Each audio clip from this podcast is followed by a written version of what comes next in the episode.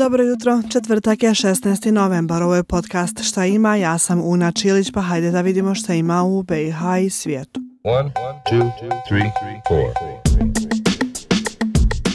Godinu dana nakon opštih izbora u BiH, u Mostaru se održava konstituirajuća sjednica vlade Hercegovačko-Neretvanskog kantona.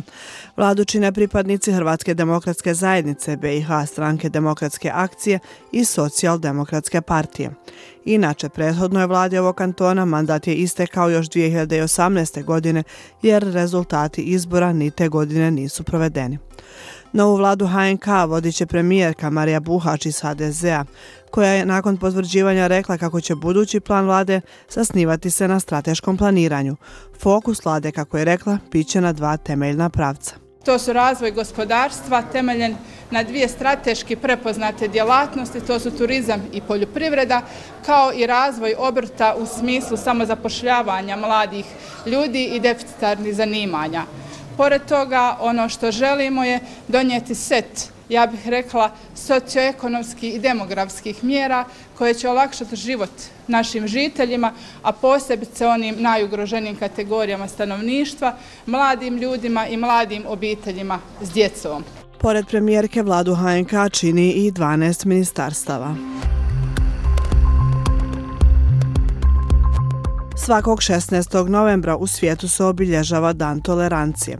Ustanovile su ga 1996. godine Ujedinjene nacije kako bi se doprinjelo većem razumijevanju između kultura i pojedinaca. Tolerancija znači prihvatanje univerzalnih ljudskih prava, slobode i različitosti drugih. U današnjem svijetu ljudi su povezani kao nikada ranije, no to ne znači da ima više razumijevanja među nama. Vidimo to na sve strane, od ratova, ubistava, nasilja kojima svjedočimo svakodnevno. A koliko ima razumijevanja i tolerancije među ljudima danas?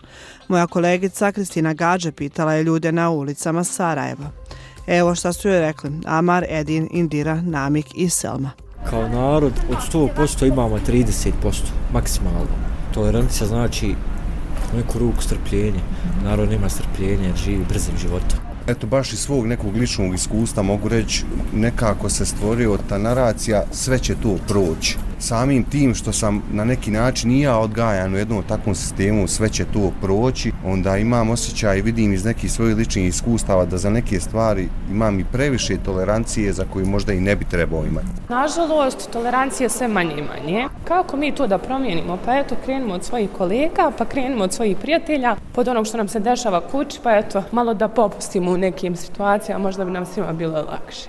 Bez obzira što svi govori da tolerancije postoji, ja mislim da tolerancije ne postoji i da se mi u stvari varamo jedni druge, da jedno govorimo, a drugo mislimo. I to je najveći problem našeg društva, što ne želimo da se bavimo konkretnim stvarima i rješavamo konkretne pitanje i otvoreno govorimo jedni sa drugim. Danas jesmo tolerantni nego što smo bili možda prije 20 godina, 30 godina, mm. tako nešto jednostavno je prirodno. Kad sagadaš imamo pristup internetu, medijama, silnim, vidimo svašta nešto što možda nismo mogli prije i onda tako se poveća tolerancija.